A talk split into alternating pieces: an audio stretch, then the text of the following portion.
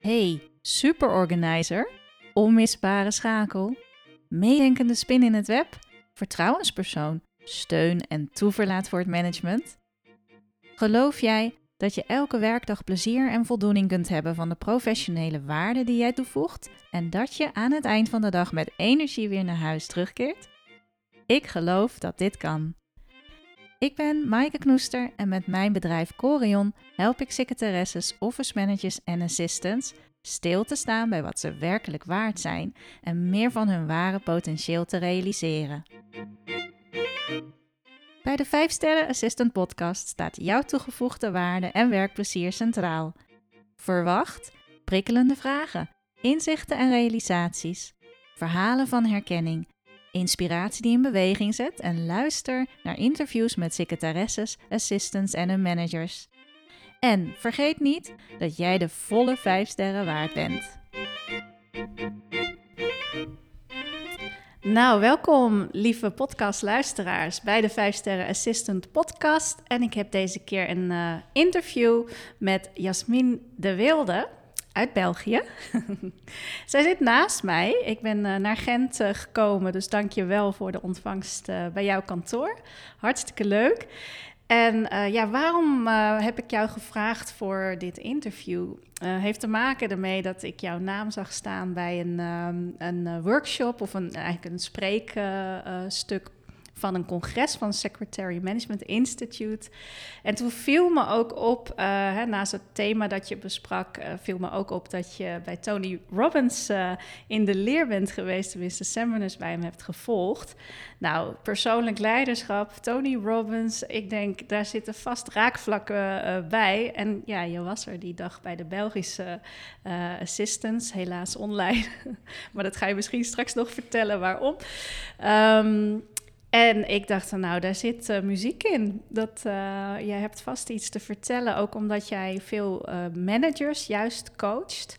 En ehm, ja, mijn luisteraars zijn vast heel benieuwd naar ja, wat heeft persoonlijk leiderschap met hen te maken? Wat heeft het dan weer te maken met de managers? En um, nou, wordt vast een heel interessant gesprek. Dus welkom, dankjewel. Dankjewel, Maaike. En dankjewel voor de mooie introductie. Dus uh, ik ben blij om hier te zijn en jou te ontvangen in Gent. Ja, dankjewel. Yes. Nou, misschien wil je je voor onze luisteraars uh, even voorstellen. Wie ben je? yes, ik zal de, de korte versie doen. Uh, ik ben Jasmin de Wilde. Ik ben 31. Ik woon al een zestal jaren in Gent. Um, oorspronkelijk Sint-Niklaas. Maar oorspronkelijk ook met mijn ouders de wereld rondgereisd. op verschillende plaatsen gewoond voor mijn, mijn vader zijn werk.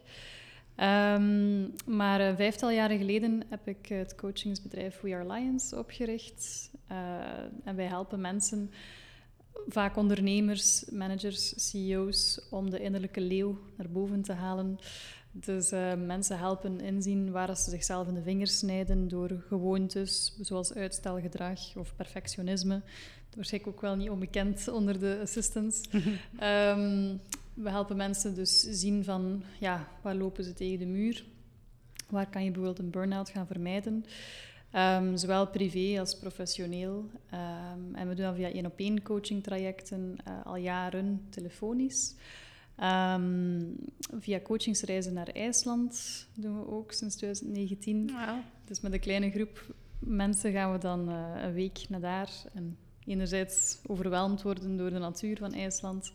En anderzijds, ja, naar binnen keren van wie ben ik eigenlijk? Uh, stel dat mijn laatste zes maanden te leven is, wat wil ik dan betekenen? Ja. Zo van die zaken pakken we dan aan. En um, en we doen ook een 5am-challenge, dus om vijf uur s ochtends opstaan. Ja, die zag moesten... ik langskomen op LinkedIn. Ik dacht, moesten, oh. uh, ja, dat doen we nu een jaartje, dus moesten er mensen zijn uh, in België of in Nederland die graag een keer online onze 5am-challenge meedoen. Ja. Um, zeker, zeker welkom. Ik ja. dacht de 5 sterren podcast. Uh, 5, 5 am. Uh, 5 am, dat past wel. En ik heb toevallig, omdat ik wist van jouw challenge, ik zag hem langskomen. Ik dacht, oeh, wil zo graag meedoen, maar 5 am is wel heel vroeg. ik dacht, nou, nu nog even niet. Want, uh, nou ja, door omstandigheden slaapt ons dochtertje momenteel nog bij ons op de kamer. Uh, ik wil niet dat iedereen al wakker wordt. Maar ik zag het langskomen. En toen heb ik zelfs ook een uh, podcast aflevering onlangs aan gewijd van kijk, dit, dit doe jij. Hè? En ik heb ook al verteld dat ik jou zou gaan interviewen. Maar ehm, ik heb daar ook een beetje mijn eigen versie van, omdat dat dan niet lukt. Maar je kan natuurlijk wel heel veel wel doen. Daar heb je ook een heel mooi artikel over geschreven trouwens, over 20 minuten, 20 minuten, 20 ja, minuten. ik wil juist zeggen, als ik al iets kan meegeven aan de luisteraars, is het, uh, het principe... Allez, ik had ooit het boek De 5am Club gelezen. En daarin um, werd het principe van om vijf uur s ochtends opstaan. Op zich kan je ook om zes uur of om zeven uur doen. Maar Tuurlijk, het eerste uur van de dag twintig minuten iets van sport doet, twintig minuten iets van uh, meditatie of reflectie of in een dagboek schrijven en twintig minuten iets bijleert, uh, zoals naar deze podcast luisteren. Ja, voilà. ja. ja. dus, uh, of al wandelend, dat kan je sport zijn dat je wandelt morgens en dat je naar de podcast luistert. Ik heb al langs gehoord dat uit onderzoek blijkt dat als je, terwijl je sport, ook moet nadenken, dat je dan um, veel beter gewapend bent tegen depressies en, en ja, gewoon heel goed is voor je hersenen. Ja, nou ja, jij hebt het zelf ervaren, het effect ervan. Ik zelf ook. ik zou niet zonder dat ene uurtje mijn dag willen starten. Het gebeurt helaas wel eens. Ja. Uh, de dag loopt anders. Ja, ik zit er iets minder krachtig in als ik het mis. Ja, dat, ja. dat zul jij beamen, denk ik. Ja, inderdaad. Ja, goeie. Ja. Nou ja, dat zijn natuurlijk heel interessante uh, onderwerpen. Um, als je kijkt naar hè, de uh, podcast 5 Sterren Assistant Podcast, gaat heel erg over je professionele waarde vergroten, je werkplezier uh, vergroten. Nou, dan heb je daar vanuit jouw expertise, denk ik, ook heel veel zinnige dingen over te zeggen, waaronder de 5 AM um, groep. Dus uh, nou, jij als luisteraar bent hierbij dus al uitgenodigd. dus dat is al helemaal leuk. Aan het eind zal ik ook even jou laten vertellen waar ze gegevens nog hè, over jou kunnen vinden. Maar um, ja, om even te beginnen. Um, ja, je hebt dus vanuit de We Are Lions Club, dat is een onderneming die je zelf gestart bent een aantal jaar geleden. Uh, we Are Lions, dus zonder de club, gewoon we, wij zijn leeuwen eigenlijk. Een vijftal jaren geleden, allee, ik was zelf zoekende. Ik had mijn job opgezegd dat ik in de luchthaven deed. Na mijn hogere studies had ik tijdelijk uh, iets gedaan. En, uh, en ik voelde van, ik wil... Allee, ik was al, ben al tien jaar of zo bezig met persoonlijke ontwikkeling. Mm -hmm. Ik voelde van, ja... Ik was op zoek naar wie ben ik zelf. Dus job opgezegd, ben dan gaan reizen alleen. Um, al mijn spaargeld in persoonlijke ontwikkeling gestoken. En na een jaar van zo reizen had ik wel zoiets van: oké, ik wil eigenlijk anderen helpen met de inzichten die ik zelf heb gehad. Ik heb zelf ook last gehad in die periode van paniekaanvallen, dat ik geconfronteerd werd met existentiële vragen van ja, waar komen mijn gedachten vandaan? Uh, wie kijkt er door mijn ogen? Uh, hoe komt het dat als je denkt aan je arm te bewegen en, en het dan doet, en je kan er ook aan denken en het niet doen, voor iemand die heel rationeel opgevoed was, zoals de maatschappij ons opvoedt, was dat voor mij, ja, ik hoop dat ik hier mag vloeken, maar een mindfuck.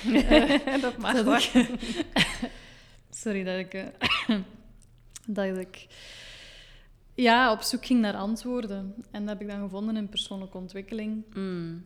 En mensen vragen me soms ook van, ja, waarom de naam We Are Lions? Ja. Ik heb me even verslikt. Ja, dus neem even een slokje. Dan, uh. je hebt een mooi glas water naast je. Yes. Um, maar ja, waarom We Are Lions? Uh, als een kind was ik ook bezeten door de film van The Lion King. Mm. Dus ik was altijd maar die film opnieuw en opnieuw aan het bekijken. En dan, als iemand bij ons thuis zou bellen van ja, wat is Jasmin aan het doen? Dan was het opnieuw en opnieuw die film zien. En nu begrijp ik ook waarom, want dat verhaal van, van Simba die even de weg kwijt is, hij, hij maakt iets traumatiserend. Ik heb, ik heb mijn vader niet verloren of zo, maar uh, dat verhaal van Simba, hij ervaart iets, een trauma, of hij is de weg kwijt. Hij zegt dan Hakuna Matata, het kan mij allemaal niet schelen. Mm. Um, maar dan beseft hij ook van, ja, wil ik echt in mijn kracht gaan staan, dan, uh, dan ja, moet ik stappen zetten, moet ik moedig zijn. Mm. Zoals we allemaal wel eens in het leven moeten zijn. Um, en, uh, en op die manier kan hij er zijn voor zichzelf, maar ook voor zijn community. En, en daarin wil ik mensen helpen, of dat je nu manager bent of CEO of, of ook niks met ondernemerschap te maken hebt. Um, als jij in je kracht staat, als jij weet wie dat je bent, als jij je uitspreekt waar je voor staat op een respectvolle manier, dan inspireer je ook anderen om op hun pad te bewandelen. Ja, ja, ja Nou, een, een lion of een five star. het zit er niet heel ver vanaf. Maar ik denk wel, onze manieren zullen weer heel anders zijn. En dat hoor je al in jouw persoonlijke verhaal. Je Mhm. hebt natuurlijk jouw eigen reis gemaakt tot dat punt dat je wist van... oké, dit wil ik dus ook voor anderen gaan betekenen. Super mooi eh, om te horen. En dank je voor je ja, openheid daarin ook. Ehm, daarover gesproken, jij werkt met, met, met managers, eh, CEO's, misschien ook eh, managers die nou ja, toch wel een bepaalde rol hebben van, van verantwoordelijkheid en mensen eh, aan wie ze leiding geven, waarin dat stuk persoonlijke ontwikkeling ja, best wel ook een, een, een kwetsbaar gebied kan zijn. Dus ehm, nou, daar ben ik natuurlijk heel benieuwd naar. En misschien ook mijn luisteraars, want eh, assistants werken heel veel met en voor CEO's. En die zijn er in alle soorten en maten. Ehm, maar hoe, hoe, hoe is dat? Wat is jouw visie daarop? Waarom zou een manager juist wel ja, niet moeten zijn, maar ja, zou het helpen om toch te kijken naar die, dat pad persoonlijke ontwikkeling en die groei? Wel, ik denk dat eh, je hebt verschillende types van leidinggevenden, als ik het zo mag noemen. Ehm, je hebt mensen die zo vanuit het oude model van leiderschap, van eh, heel controlerend zijn, die alles in handen willen hebben. Bijvoorbeeld een cliënt van mij, die heeft een IT-bedrijf samen ehm, met uh, zijn vernoot, die eigenlijk het bedrijf 20 jaar geleden heeft opgericht. Hij is, mijn cliënt is er later bijgekomen. En dan, toen ik in contact kwam met die cliënt, dan was uh, zijn, uh, zijn vernoot is, is terminaal ziek geworden. Mm -hmm. uh, ja, is, is nu al, al jaren, aan, al voor jaren aan, aan, het aftakelen. Maar zijn, zijn collega, dus die ooit het bedrijf heeft gestart, was heel hiërarchisch van, van, van leiding geven. Dus als iemand die bijna niet zou openstaan voor, voor coaching, of toch niet de soort van coaching dat wij doen. Um, en daar was dan mijn cliënt wel wat anders in, van dat hij wel gelooft in, in ja, samenwerking, in mensen in hun kracht zetten, in delegeren enzovoort. En dan, dan merk ik wel dat verschil tussen uh, ja, leidinggevenden die daarvoor openstaan. En dat is meer het oude model dan, denk ik, vanuit angst, vanuit controle. Mm -hmm. Terwijl um, dat je vraagt van, ja, is persoonlijke ontwikkeling, wat zou de meerwaarde kunnen zijn voor, voor zo'n mensen? Um, is dat, uh, ja, dat je gaat naar een nieuw soort van model van, van ondernemen of van een bedrijf leiden. Dus hoe beter dat je zelf in je schoenen staat, hoe meer dat je jezelf kent, hoe meer dat je vanuit compassie naar jezelf kunt kijken, hoe, hoe volgens mij een aangenamer uh, manager of leider of CEO dat je bent. Ja. En ik neem aan dat de luisteraars dat wel kunnen beamen als ze samenwerken met iemand die, die echt open staat voor feedback, uh, die, die zich niet boven de ander stelt, maar die zegt van kijk, ik ben ook maar een mens, ik heb ook um, mijn, uh, mijn uitdagingen. Um, ja, dat, allee, moest ik een assistent zijn, dan zou ik heel graag willen samenwerken met iemand die zo open staat naar zelfreflectie. Ja, absoluut. Um, ja. ja, nee, dat hoor ik zeker terug. Ja, en, uh, ja, en hè, als het gaat om, om je professionele waarde te vergroten, nou, dat geef je al aan. Hè? Je wordt een beter mens en als mens achter je professionele rol kunnen jouw collega's jou ook beter benaderen. Je bent toenaderbaar. Uh, ja, er zitten heel veel aspecten aan die, die, het, die het in elk geval opener maken om met elkaar uh, business te doen. Wat Mhm. persoonlijker en minder zakelijk misschien. Mhm. Maar nog steeds zakelijk te kunnen blijven. En, en niet ja, ook het label ervan af dat het zweverig of uh, zwak zou zijn om Mhm. hè, te investeren in jezelf. En, en kwetsbaar te durven zijn over waar je staat. Mhm. Ja, dat, eh, als een manager dat doet, geeft hij in mijn ogen ook zeker het goede voorbeeld. Mhm. Um, en nou ja, we hebben het ook over het vergroten van je werkplezier. Dat, dat, dat, maakt jou als persoon leuker voor je omgeving. Maar als je zelf ook weet wie je bent en je, je staat heel dicht bij je en ook in, jou, in jouw rol Mhm. als leidinggevende of assistant. Ja, als Mhm. jij meer en meer bent wie jij echt bent, dan is het, Ja. dan is het veel uh, iets- plezieriger. Iets wat je vaak ook ehm, merkt, wat mensen ook wel zeggen, is dat it's lonely at the top. Hmm. Dus ehm, ja, ik denk dat daarom ook veel, veel ondernemers, veel managers samenwerken met een, een persoonlijke coach. Uh, ik sta los van hun bedrijf meestal. Ik, ik, ik uh, kom gelijk een, ik zou niet zeggen een engel, maar gewoon ik kom op iemand, ik kom op iemand zijn pad en, uh, of haar pad. En, en ik zie dat als een voordeel dat ik, dat ik het bedrijf niet per se ken of de, de politiek binnen een bedrijf. Of, allee, ik, heb, ik wil er allemaal niks mee te maken hebben met zo die, die, uh, die tendensen. Um, maar dat voelt voor sommige managers dan ook um, veiliger aan. Uh, ook als ik hun privé niet ken, want ik hoor ja, heel. Ik kan hier dus meeste, als ik voorbeelden geef, ga ik, ga ik niet altijd uh, namen kunnen noemen, tenzij dat mijn cliënten daar uh, akkoord mee zijn.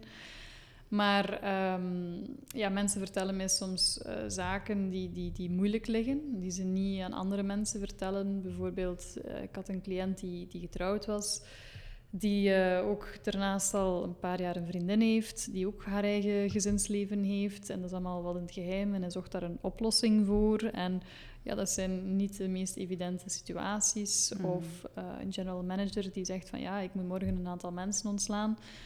Ja, kunnen we daar een keer over sparren? Hoe kan ik dat best aanpakken? Zeker, zodanig ja. dat de mensen die, die niet ontslagen worden, dat die nog steeds uh, allez, een goede werkethiek hebben. En, hmm. en ja, ik denk zeker voor de, de assistants dat dat dan wel... Je hebt een eigenlijk een unieke, unieke rol. Je bent dan vaak ook ja, een soort van sparringspartner of, Ja. of ook, een, ook een soort van coach, een beetje een vertrouwenspersoon. Ja. Dus ik denk dat dat... Allee, dat is wel iets misschien om te beseffen van... ehm, die mensen doen ook maar gewoon hun best en die krijgen soms veel eh, shit over zich heen. Of van CEO's hoor ik vaak dat ze tussen de aandeelhouders zitten en, en het management. Ja. Ehm, ik had eens een cliënt die... Het was een, het was een pittig coronajaar. En hij had dan zijn CFO, dus eh, Financial Officer, had hij gevraagd van, om zijn vakantie eigenlijk op te schuiven, om echt eh, mee te werken met het bedrijf tijdens de zomer. En dan waren ze op het einde van het jaar en had die man, die CFO, eigenlijk veel meer uren, veel meer dagen gedaan dan dat er in zijn contract stond. En dus mijn cliënt, de, de CEO, die wou hem natuurlijk vergoeden, ook voor de extra dagen dat hij als, denk onder zelfstandige statuut had gewerkt. En uh, hij zei dat tegen de aandeelhouders. En de aandeelhouders zeiden van, uh, nee, dat gaan we niet doen. Oei. Je mag hem niet meer betalen dan wat er in zijn contract staat. En ja, dan zit je wel in zo'n situatie van, wat doe je daar? Want mijn cliënt, dat zijn allee, de meeste mensen ik mee werk, dat, dat vind ik echt schitterende mensen. Die zijn allemaal in hun proces, maar dat zijn wel mensen die integriteit belangrijk vinden en, en het juiste doen, uh, wat dat, dat ook mogen zijn. En uh, ja, die man heeft dan eigenlijk achter de aandeelhouders hun rug toch gewoon die man vergoed voor de, de uren dat hij, dat hij gewerkt heeft. Hmm. Dus ja, dat is niet altijd evident, die situaties. Nee, nee precies. En ja, wat je net al aangeeft, uh, dat een secretaresse of een assistant, een PA zeker, dit soort dingen wel mee kan krijgen. En, en dan, ja, vind dat wel, um, dat lijkt me ook heel boeiend eraan. Maar wat je zegt, lonely at the top. Ik ken ook iemand um, die assistant is van een uh, CEO. En die geeft ook aan van ja, hij vertelt mij dingen die hij niet thuis kwijt kan bij zijn eigen partner. En ja, kennelijk zit daar dan toch... Ik weet niet of dat... Dat kun je dan niet in de privésfeer zo brengen... omdat het zakelijk is. Of ik heb geen idee wat dan... Ik heb niet gevraagd, wat is dat dan precies? Maar ja, zij gaf wel aan dat zij echt behoefte had... aan ook echt die sparringpartner... Hm. En ik denk ook niet trouwens dat dat voor alle assistants is weggelegd hoor. Ik bedoel, dat moet je ook liggen, denk ik. Nou ja, en als het niet, uh, jij bent juist uh, een coach op dat gebied. Dus de, ja, als je het niet met je assistant kunt bespreken, mm -hmm. ja, dan kun je natuurlijk uh, hulp ik zou vragen. Zeggen, ze mogen mij de, de CEO's of de managers doorsturen, maar um, het is inderdaad, het is, het is geen evidentie. Je hebt ook jouw eigen taken om dan een soort van psycholoog of zo te gaan spelen. Uh, is, is niet evident, of ook niet de bedoeling. Hmm. Uh, maar misschien kan je het zien als een soort van... Je bent de persoonlijke butler van, van, van de manager.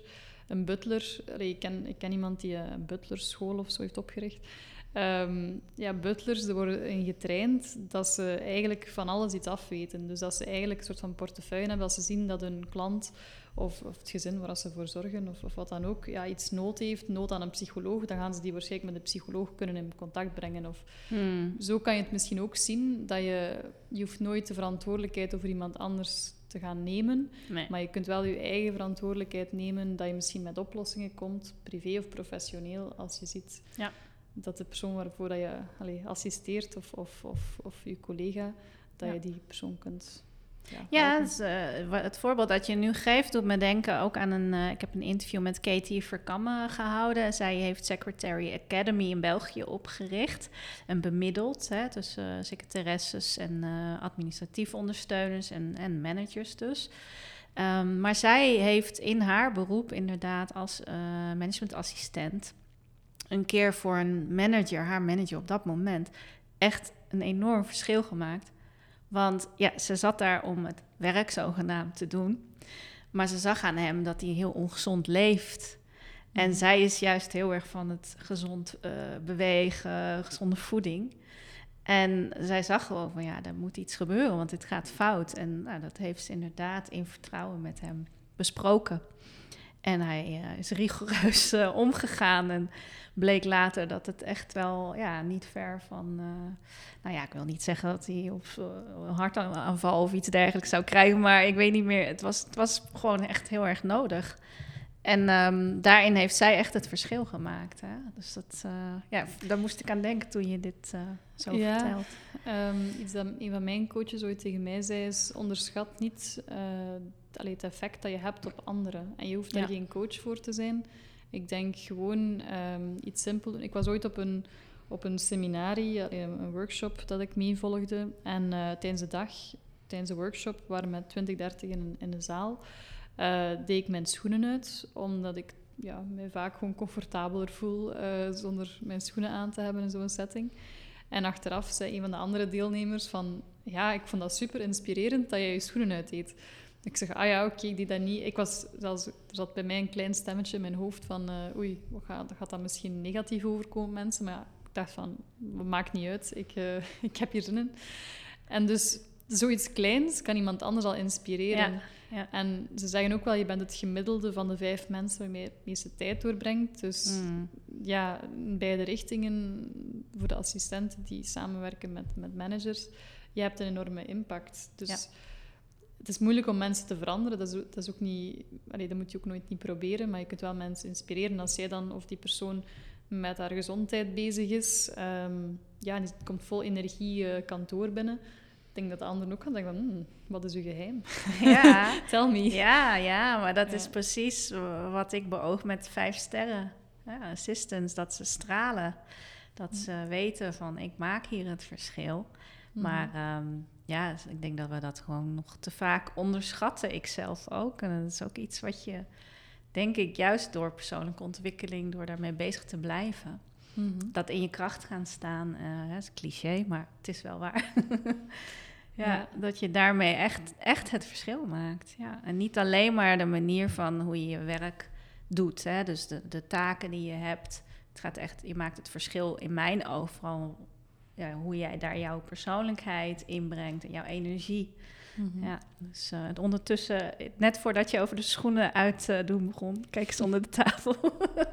Ah, jouw schoenen zijn uit. Oké. Toevallig op dat moment had ik ze net uit. Voilà. ja. Hey, en ehm, heb je ook een tip voor uh, als een assistant nu luistert of uh, secretaresse? Want het woord van secretaresse komt van secret in de, de, de butler-vergelijking. Want hè, je, je, je, je bent heel dicht bij iemand, je hoort alle ins en outs. Hè, vooral ook door vergaderingen op niveau van, nou ja, dat gaat over reorganisatie, het gaat over ontslag, het gaat over heel persoonlijke dingen, de cijfers, de jaarcijfers, van alles. Um, nou, hè, je, ziet dus van alles en je, je, je voelt mee met jouw manager, maar je, je komt er gewoon achter van, ja, mijn manager is heel moeilijk te...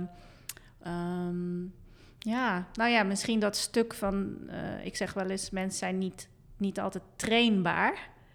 Uh, en ik heb een buurvrouw gehad die trainde managers. En zij zei op een gegeven moment, nou ja, ik doe dat gewoon niet meer. want dat lukt niet. Dus nou ja, goed, dan kun je natuurlijk afvragen van oké, Mhm. misschien dan een andere benadering. Maar oké, er er zit misschien een kern van waarheid in van ja, manager kan ook wel heel eh, gewend zijn aan managen. En gewoon alles op, op dienstmanier, hè, zijn of haar manier hebben gedaan. Dat heeft, ja, dat heeft ze ergens gebracht. Eh, mensen kijken daar naar op. Wauw, kun je dat allemaal? En ja, die, die, die komen misschien in de overtuiging van ja, ik kan het ook allemaal gewoon fantastisch zelf. Tot op zekere hoogte is dat dan ook zo. maar als je als assi- assistant merkt van ja, maar mijn manager is niet zo heel gevoelig naar werknemers toe, ik noem maar iets. Hè. Is soms heel, heel bot. Of ik- ja, en je, en je merkt gewoon van oei, hoe moet je dat dan aanvliegen als, als een manager niet direct open staat voor persoonlijke ontwikkeling? Heb je daar misschien een Mm. tip voor? Goeie vraag. Ehm er komen een beetje in het, in, het, in het vakgebied van waar dat ik vaak in coaching over spreek, het reptiele brein. Eh, dat ken je misschien wel, het, het reptiele brein. Hoe dat ik het bekijk is, het is dat is het oudste deel van onze hersenen dat eh, ervoor tracht te zorgen dat we overleven. Ehm, dus ik zal misschien even kort meegeven voor mensen die het nog niet kennen. Het reptiele brein zorgt voor je, lichaamsfuncties, je bloedsomloop, je ademhaling, dat je daar niet bewust mee moet bezig zijn. Of als er brand uitbreekt, dat je in fight, flight of freeze gaat, dat je een bepaalde reactie hebt in, eh, om te kunnen overleven. Maar dat reptiele brein probeert op alle mogelijke manieren jou in leven te houden via ook je, in je gewoontes en patronen en je comfortzone te houden eigenlijk. Dat is heel sluw, dat is heel slinks, dat is soms door bepaalde gedachtegangen. Stel, je hebt een vriend of een vriendin en die maakt een carrière switch en eh, die, die, die lijkt gelukkiger, die verdient veel meer geld, eh, alles gaat voor de wind. En jij zit niet goed in je vel en, en doet je job niet graag, dan gaat jouw reptiele brein hoogstwaarschijnlijk jouw vriend of vriendin fout maken om zelf niet te hoeven te veranderen. Dat is bijvoorbeeld het reptiele brein. Ik denk dat we dat kunnen herkennen. Ja, anders uh, in psychologie noemen ze dat, krijg je cognitieve dissonantie. Van, ja. Um, ja, als je niet in lijn zou zijn met wat je zelf gelooft, dan, dan dat voelt niet goed voor een mens. Um, dus ja, als je zegt van hoe ga je om met een manager die misschien niet zo trainbaar of, of coachable is, noemen we dat. Ja, um, dan, dan, ja, waarom is iemand niet zo coachable of, of trainbaar? Omdat ze in een reptiele brein een beetje vastzitten. In een bepaalde identiteit, een bepaald ego. Ze hebben het altijd zo gedaan. Ik geloof als mensen echt zo vastzitten, dan zit daar ook angst onder. Mm. Angst om, om het open te, zelfs maar het openstaan voor een andere manier kan bedreigend zijn voor dat reptiele brein. Ja. Um, dus ja, hoe ga je daarmee om? Hoe dat ik daarmee omga als ik met iemand in gesprek ga, dat ik voel dat er een, weerstand zit, dan durf ik dat ook wel gewoon benoemen op een, op een zachte manier. Van, zou het kunnen dat, uh, of ik, ik, ik voel, of ik eh, vanuit de ik-persoon spreken, ik merk dat, dat je misschien een bepaalde weerstand hebt op, op, op dit anders aanpakken. Kan dat? Dat je gewoon de vraag stelt van of zou het mogen, zou het, stel je hebt een manager die dat op dezelfde manier doet, dat je zegt van oké, um, dat is inderdaad één manier om het te doen. We misschien zouden we een keer kunnen uittesten om het op een andere manier te doen. Um, in plaats van tijdens een meeting iedereen te vertellen wat ze deze week moeten doen, zouden we misschien een keer kunnen uittesten om mensen meer aan het woord te laten. Allee, het is maar een idee. Precies. um, ja. En uh, ja, dat een beetje hun idee lijkt te zijn. Ja. Um, of gewoon de vraag stellen van, mag ik even oprecht of brutaal eerlijk zijn, zo noemen we dat ook. Um, ja, want hoe meer dat je gaat pushen van, het, dat is niet goed en dat zouden we moeten doen, hoe meer dat je het reptiele brein eigenlijk ja, op stang jaagt. Ja, ja. Ja, ik heb geleerd van de trainingen die ik veel heb gevolgd. Hè, dat zijn avatar-trainingen van, vanuit, ja, hè, dat je toch zelf je werkelijkheid creëert. Ook vanuit overtuigingen en patronen, noem het maar op. Maar um, weerstand, hè, waar je weerstand aanbiedt, dat wordt alleen maar groter. Mhm. Dus als jij dat zo zegt, dan moet ik daar meteen aan denken. Er is in het Engels zeggen, zeggen ze: what, resist, what you resist persists. Persist. Ja. Precies, ja. Nou ja, dat is natuurlijk wel een heel, heel mooie tip inderdaad. Van eh, breng een idee nou ja, op, op een bepaalde manier, eh, misschien wat voorzichtiger, maar toch breng het idee wel op. En eh, kijk of de eh, manager het kan, ja, inderdaad verkopen als... hé, hey, dat hebben we het samen over gehad, maar het is toch... ik ga het uitzetten, dan is het weer van mij. Dat vind ik wel een goede tip, inderdaad. Ja, en nog iets dat ik aan denk, dat ik uit een, een, een audioseminarie heb gehaald van Alison Armstrong. Dat is een, weet niet of Mhm. die- Ja, de naam... eh, Allee, zij is, bekend, zij ja. is waar Tony Robbins eh, zijn dada haalt rond relaties. En zij bestudeert al tientallen jaren eh, mannen, maar op een liefdevolle manier. En spreekt dan over relaties en zo. En zij zei ooit van ehm, iets waar vrouwen eh, een instinctieve tegenreactie op hebben door onze geschiedenis, is als een man het ve- de veto stelt. Allee, het kan ook omgekeerd zijn, het hoeft niet man-vrouw te zijn, Mhm. maar... Ehm, dus als een man zegt in een relatie van... eh, nee, het is die manier, we gaan er niet over spreken, dan, eh, als, ja, dan, dan sterft er iets in de vrouw, omdat ze eigenlijk ja, tientallen decennia haar mening er niet toe deed en de man vaak in het gezin van alles besliste. Ehm, en dan geeft zij eigenlijk als tip aan, aan, aan vrouwen in relaties van... Voor een man is een, is een veto heel belangrijk, omdat dat is eigenlijk de manier waarop dat hij het gezin kan beschermen. Als hij niet als laatste zeggenschap heeft over een bepaalde beslissing, over, een bepaald domein in de relatie, in het gezinsleven, over het de financiën bijvoorbeeld, wat er een zwembad komt of niet in de tuin, ja, ja. dan, eh, dan, dan zeggen mannen, en ik ben zelf een vrouw, dus, dus eh, allee, dat was voor mij een eye-opener, maar dan zeggen mannen blijkbaar van, hoe kan ik jou dan beschermen? Als ik niet... Hoe Ja, kan ik, zit heel geïnteresseerd te luisteren nu. Voor mij persoonlijk. Ja, Ja, ehm, ja. Dus ja, Alison Armstrong, Armstrong spreekt over eh, hoe dat je ja, eh, je ego opzij kunt zetten en in partnership kunt gaan in relaties. Mm. Ehm, maar dus dan zegt ze eigenlijk als tip tegen de vrouwen van kijk, besef, ze zegt in mijn relatie, in mijn huwelijk, zijn er bepaalde domeinen dat mijn partner eh, de veto heeft, zoals de financiën. Maar ik heb ook domeinen als het gaat over de opvoeding van de kinderen. Dat is mijn domein, daar krijg ik de veto. Van welke opvoeding of welke educatie krijgen ze of wat dan ook. Ja. En dan zegt ze van kijk, als je je begeeft op een domein dat hij de veto heeft, ehm, wat dat zijn reptiele brein kan geruststellen, is als je met een idee komt van je wilt een zwembad in de tuin of zo, ehm, dat, eh, dat je dan direct zegt van kijk, ik heb een idee, ik wil het gewoon eens met jou bespreken, Ehm, maar weet, jij hebt de veto. Ja, sowieso. Je hebt de veto, dus Ja. hè, moet u niet opwinden of moet nog niet ongerust worden. Eh, het is een idee en ik wil het gewoon even in de groep gooien. Dus hè, hetzelfde naar managers toe. Van, ik heb een idee, Ja. Ehm, maar weet, allez, jij beslist, hè? jij bent de manager. Ehm, en misschien is mijn idee wel van de pot gerukt, maar ehm, zou je, sta je ervoor op om mijn idee te horen? Ja, ja. En dat kan blijkbaar, denk ik, op een diep psychologisch niveau de manager tot rust brengen van oké, ik, ik ga altijd sowieso... Er is geen aanval op, op, op, op mijn beslissingsrecht of zo. Dat kan misschien ook wel helpen. ja. Ik ga het meteen proberen.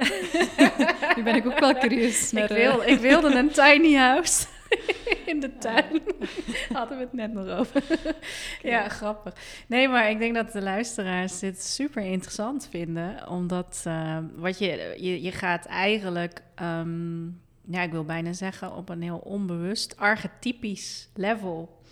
Man-vrouw verhouding. eh, je houdt daar toch rekening mee. Nou ja, misschien voor sommige mensen gaat dat te ver. Maar hè, er zijn ook onderzoeken naar geweest, uiteraard. Dus ja, ik moet zeggen, het, het, klinkt, het klinkt wel redelijk aannemelijk van dat veto. Van ja, dit is gewoon mijn gebied. En een, een man wil beschermen en een vrouw wil op een andere manier beschermen. Maar dat is misschien dan meer in, in de zorg, eh, inderdaad. Ehm, en ja, wa- wat ik zelf ook zou, zou kunnen meegeven als tip is... Hè, vergeet niet dat als, als jij zelf wel iemand bent die het belangrijk vindt om aan jezelf te werken, om juist dieper te gaan, Mm. om in de spiegel te kunnen kijken en ehm, ja, ook de soft skills heel belangrijk maakt. ja, blijf dat vooral, vooral doen. En, en het is altijd moeilijk om los te laten dat een ander van wie je denkt, oeh, die zou het heel goed kunnen gebruiken. ja, het is heel moeilijk om dat los te laten. Maar laat het vooral, uh, blijf vooral in, in jouw voorbeeld daarin, want je weet het nooit. het kan zijn dat je, als je dat twee jaar lang gewoon echt doet zonder dat je verwacht dat een ander daar iets mee moet. Maar jij, jij, staat daar wel voor, voor en je ademt dat uit en uh, je straalt dat uit. Ja, je maakt er toch het verschil mee. En je weet nooit, soms kan iemand, dan ben jij weg. En dan denkt die persoon eens, oh, wacht eens even. En dan valt het kwartje, soms zie je het zelfs niet eens. Maar mm. je, ja, blijf daar wel aan trouw. Dat is eigenlijk... Um, dat je zegt van, dat mensen in hun eigen kracht en hun eigen waarheid moeten uh, alleen mogen staan. En uh, ja, los van of dat het een effect heeft of uh, ja. direct of ja. niet. Ja. Dus ja, in mijn wereld, in de coachingswereld, er zijn, er zijn nu twee mensen die ooit op mijn eerste seminarie in 2017 aanwezig waren. En die heeft een paar jaar geduurd. Vooraleer dat ze zelf, één via de 5am challenge, iemand anders gewoon die mij al jaren op Facebook volgt, zelf contact hebben opgenomen voor, voor in coaching te gaan. Dus ehm, ik, ik ben gewoon dat iets tijd nodig heeft. En, en je kan niet allez, zomaar, je kan geen transformatie of verandering forceren op, op iemand. Nee. Helaas niet, maar ik kan gewoon niet. Nee, het Ja, maar ja, als je zegt helaas... Ja, ja, nee, natuurlijk. Je moet ook vanuit die persoon zelf komen. Ja, als je dingen gaat opleggen, dan is het al geen geslaagde transformatie meer. ja. Nee, nee. Maar het is wel een heel interessant gebied, denk ik. Zo, uh, ja, de, eh, we, we, ja dit, hier kan ik ook op verder gaan. maar misschien ook voor de luisteraars interessant om te weten. Dus jij was uh, spreker... Uh, enkele maanden geleden, denk ik, hè, voor Secretary Management Institute op een uh, congres dat zij uh, in elk geval voor het eerst in België hebben georganiseerd. Ik had erbij willen en kunnen zijn, maar uh, zowel de persoon die daar werkt en mijn contactpersoon is, als ik dacht er niet aan dat ik daar gewoon ook kon komen als ik niet in het programma stond. mm. Dat was even een denkfout. Dus ik had daar heel graag bij willen zijn en jij ook fysiek, maar ik, uh, ja, na twee, drie jaar, twee jaar te denken dat ik immuun was voor corona, heb ik het dan toch gehad. Ja, dus, dus je hebt hem online mogen, hè, je hebt online mogen spreken. Kun je iets vertellen over het thema dat je behandelde op dat moment? Ja, um, wel, het was een, de, dat ik daar ging spreken, ik denk dat het Assistant Power Day heette. Ja stond al twee jaar vast, maar dan ja, is er een soort van pandemie geweest. Uh, dus dat is wat uitgesteld geweest. Um, en de bedoeling was eigenlijk dat ik, uh, allee, dat ik ben dus gaan spreken over hoe dat je als uh, management assistant de next level kunt bereiken, privé en professioneel. Dus een beetje persoonlijk leiderschap.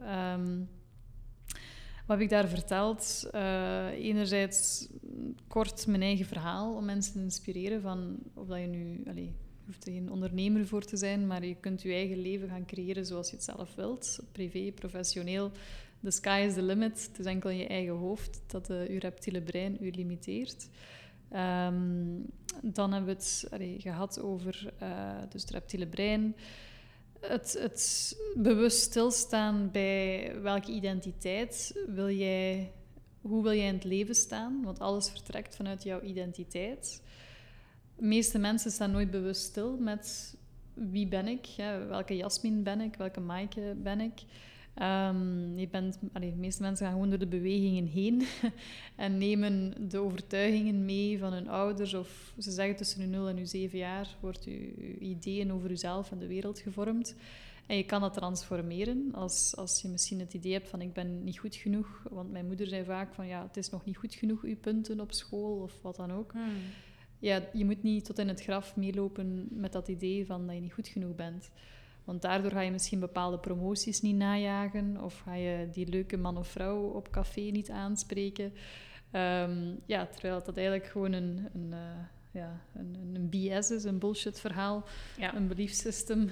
Um, dus dat is een oefening dat je ook voor jezelf een keer kunt doen. Voor iedereen die luistert, is uh, een soort van identiteit voor jezelf opschrijven van hoe wil ik dat, dat allez, hoe wil ik dat mijn leven eruit ziet binnen een jaar bijvoorbeeld? En ook welke versie moet ik zijn? Moet ik iemand zijn die uh, zelfvertrouwen heeft, die weet wie dat ze is of hij is, uh, die ervoor gaat, die uh, integer is, die zegt wat hij doet en, enzovoort. Dus dat is, een, dat is iets dat ik allez, heel belangrijk vind. En dan hang je daar ergens op in je huis. En, um, en tenslotte hadden we het ook over integriteit. En voor mij is integriteit zeggen is gelijk aan doen. En doen is gelijk aan zeggen. We leven in een maatschappij waar dat er steeds minder integriteit is, denk ik. Van mensen komen te laat, uh, academisch kwartiertje. ik moet zeggen, ik ben zelf ook niet perfect. Uh, ik kom ook wel eens te laat. Maar ik begreep zelfs dat dat in België de standaard is en dat het onbeleefd is om echt, ja, of te vroeg te komen is echt onbeleefd en op tijd te komen is eigenlijk onbelgisch. Maar dat is mij door iemand verteld die graag zelf ook iets ruimer in de tijd uh, het pakt. Ah, zal misschien uh, vanuit hun reptiele brein als argumentatie gebruikt zijn. misschien luistert hij wel. kan, hè. Allee, op zich, er is, er is geen juist of geen fout. Nee, um, nee. Maar uh, je leven werkt naarmate hetgeen wat je zegt en hetgeen wat je doet overeenkomt. Ja. Um, dus... Dus allee, ik denk dat dat ook heel interessant is voor, voor iedereen. Uh, ook om al aan kinderen mee te geven van als je zegt dat je huiswerk gaat doen, dat je je huiswerk gaat doen. Of dat je nu zin hebt of niet, je hoeft geen zin te hebben om gewoon te doen wat dat je zegt dat je ging doen. Ja. Um, en dan hebben we nog tenslotte ook gehad over de drie soorten van beloftes. Je hebt de krachtige beloftes, de zwakke beloftes en de criminele beloftes. Kort gezegd, een krachtige belofte is, je zegt wat je doet en je doet wat je zegt. Dus als ik zeg uh, tegen jou, Maaike, wij hebben een afspraak om maandagochtend om vijf uur te bellen en dat ik jou bel. Um, oh, sorry, vijf uur was als ik nu vijf uur, ja. vijf uur zal er tien uur van maken. Uh, ik zal de wekker um, alvast zetten. wel, om, om uh, pak, pak tien uur s ochtends hebben we een afspraak. Um, als dat een krachtige belofte is, dan is het... Allee, dan gaat in 99% van de gevallen jouw telefoon afgaan om 10 uur s ochtends. Mm. Um, tenzij dan die ja, 0,01% van de keren dat je huis 10 minuten op voorhand afbrandt of zo, dat kan gebeuren. Um, of als je op voorhand zegt van ja, ik, uh, ik moet reschedulen, um, dan, dan allee, dat is nog steeds een krachtige belofte. Maar mensen maken vaak ook zwakke en criminele beloftes. En wat zijn dat? Als iemand een zwakke belofte maakt, is het eigenlijk um, bijvoorbeeld, ik zeg oké, okay, Maaike, ik ga je maandag om tien uur bellen. En een zwakke belofte betekent, het moment dat je de belofte maakt, dat je de intentie hebt om ze na te komen, maar als het toch niet zo goed uitkomt, dan... Nou, de hond heeft het huiswerk opgegeten, bij wijze van spreken. Ja, ja. Of er is file, of, dan, dan gaat het toch niet, uh, toch niet gebeuren. En dan de criminele belofte is uh, het moment dat je de intentie maakt... Uh, het moment dat je de belofte maakt, heb je niet de intentie om ze na te komen. Mm. Dus uh, dat is bijvoorbeeld, je komt iemand tegen op straat die je lang niet hebt gezien. Je zegt van, ah, Maaike, goed om jou te zien. Ja, we moeten zeker een keer afspreken. Ja, ik ga je bellen, ik ga je bellen. en bij jezelf denk je van, goh, het was misschien leuk om die persoon terug te zien, maar ik heb eigenlijk geen behoefte om die te bellen. Dus dat is zo'n beetje ja, leugentje voor best wel. Maar eigenlijk verlies je daar aan kracht in jezelf, ja. um, omdat je iets zegt dat niet waar is. Ja, een stuk integriteit leef je in, hè? En, eh, en alles wat je aan integriteit inlevert, dat verlies je. Ja, dat is van jou. Ja. ja, mooi, mooie voorbeelden.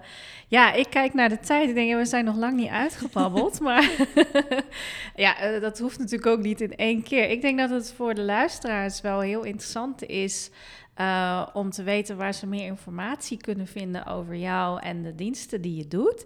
Ik denk zeker dat er assistants uh, of secretaresses zijn. Nou ja, misschien hè, dat ze wel aan, zichzelf denken in dit hele verhaal van wauw, ik kan iets uh, daaraan hebben. Uh, met de vijf sterren uh, assistants, ook met hè, de producten die ik, de diensten die ik aanbied, zijn we daarmee bezig. Um, maar ja, dan kan ook dat dit heel erg aanspreekt. En ja, dan moeten ze jou kunnen vinden. Maar vooral ook als ze nu denken, dit ga ik aan mijn manager laten horen. Want deze podcastaflevering gaat denk ik wel bij managers gepromoot worden, als ik het zo hoor. dus waar kunnen we meer over jou vinden? Waar? Uh, via de website wearelions aan elkaar.be of .eu. gaat ook naar de .be website. .nl, denk ik ook. Ik weet niet, ik heb ze ooit eens allemaal opgekocht. Ja, Ehm, slim. Ehm, dus wearelions.be. Uh, via Instagram, We Are Lions Coaching. Ehm, LinkedIn, ook een pagina. Mij persoonlijk, Jasmin de Wilde. Ja. Eh, of, of We Are Lions. Eh, Facebook ook, maar dat, ik denk dat Facebook een beetje op de achtergrond gaat. Of ik wil gerust mijn e-mailadres ook meegeven voor als mensen zeggen van dat is, dat is het Ja. efficiëntste. Kan ik in de show notes erbij schrijven ook. Ah, Je kunt het noemen, maar ik zal het zeker ook opschrijven. Want ook met eh Jasmin is het wel Y, hè, Griekse ei eigenlijk. Ja, dat is het ding natuurlijk. Als je verkeerde letters schrijft, dan komt het niet aan. Ehm ja, jasmin at wearelions.be. En ehm, ja, dat is natuurlijk ook natuurlijk... Ja, als je tegen iemand zegt van... Hé, hey, eh, ik wil je graag in contact brengen met een coach. Hè, dat kan het reptiele brein een beetje aanwakkeren. Ehm, maar eh, ja, schaadt het niet dan... Of baat het niet, dus schaadt het niet. Dan ja, Ehm. baat het- Ik ben hem ook kwijt. Als, Nederlandicus eh, ben ik hem allee, even kwijt. Ik vind het altijd boeiend om nieuwe mensen te leren kennen en te horen waar ik van waarde kan zijn. Wat nu via de 5am challenges. Ja, Dus, eh, superleuk. Ja, ik ga zelf ook nog een keer meedoen. eh, de kamer eh, naast ons. Die gaan we eerst in, inruimen, zodat hè, dat mijn dochtertje daar kan slapen. en dan kan ik om eh 5 a.m. mee gaan doen. Want, Ik denk, ja, ik denk dat je superleuk. zeker een meerwaarde zou zijn. Ik hou ook van, als ik jou een compliment mag geven, van uw energie. We kennen elkaar nog maar net, maar je bent zo heel, ja, op zijn Nederlands misschien zo bubbly en happy. En, en dat heb je wel nodig om in het leven alleen sterk te staan. Nou, dankjewel. En eh, ja, ik wil jou ook een compliment geven, maar ik wil ook even nog snel zeggen dat jij vooral ook, of nou niet vooral, maar jij werkt niet alleen maar met Belgische managers. Want dat is denk ik ook belangrijk voor de luisteraars. Jij werkt graag met Nederland. Je, je gaf nu mij een compliment dat dat misschien Nederlands ook is. Eh, maar dat is wel goed om te noemen, hè? want je hebt al meerdere eh, managers gecoacht in Nederland, toch? Klopt, klopt. Ehm, een van mijn Nederlandse cliënten, wiens naam ik eh, mag noemen, ehm, werkt bij de, bij de Ocean Cleanup bijvoorbeeld. Ah, ja. Dus eh, ook een heel mooi bedrijf. Ja. Dus, dus ja, ehm, wij werken al jaren telefonisch. Dus in principe kan het wereldwijd liefst een beetje in dezelfde tijdzone. 5 Maar, eh, am mag. Maar Engeland, Nederland, Ja. zolang het Nederlands of Engelstalig is, is het eh, Ja, goed. Nee, Ja. dat is superleuk. Nou, ik, eh, mijn compliment aan jou is... je kunt ontzettend boeiend vertellen over onderwerpen... waar wij, denk ik, nou, assistant manager... wij, iedereen, iedereen die maar geïnteresseerd is... in persoonlijke groei en ontwikkeling. Dat is echt, eh, ik kan echt uren naar je blijven luisteren. Dus ehm, je vertelde eerder vertelde je over hè, een rationele kant vanuit je jeugd... volgens mij helemaal aan het begin... Eh, maar het heeft je ook het helpt je ook, denk ik, om dingen heel mooi gestructureerd te kunnen vertellen. En dus het is, het is en en, hè?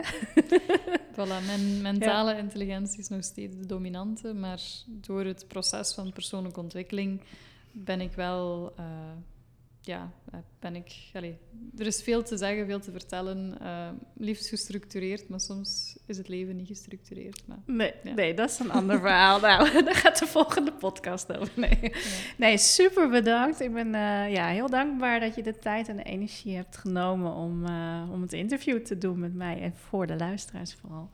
En eh, in deze ja, toch leuke ruimte hier in Hartje Gent. Dus eh dank je wel. Dankjewel. Hey, super dat je weer luisterde naar deze aflevering. En ik heb nog twee vragen voor je. De eerste is: wil je alsjeblieft een review voor eh, de 5 Sterren Assistant podcast achterlaten? Dat kunnen natuurlijk die 5 sterren zelf zijn, maar je kunt ook reviews schrijven. Dat kan bijvoorbeeld bij Apple en bij Spotify. Heel makkelijk door op de puntjes eh, te klikken rechtsbovenin. En dan eh, kun je een review achterlaten. En de tweede is: wil je lid worden van de 5 Sterren Assistant community, die is er op Facebook. En daar ontmoet je andere 5-sterren assistants. Jullie kunnen delen met elkaar eh, vanuit de praktijk natuurlijk. Als er vragen zijn, als er mooie eh, artikelen zijn. Ehm, ik deel heel erg veel. Ik geef daar ook gratis content weg. Dus ehm, je bent hartstikke welkom. Dien een verzoek in via Facebook bij de 5 sterren assistant community. Ik stel je dan drie vragen en als je die beantwoord hebt, dan ben je lid. Lijkt me hartstikke leuk. Fijne dag verder.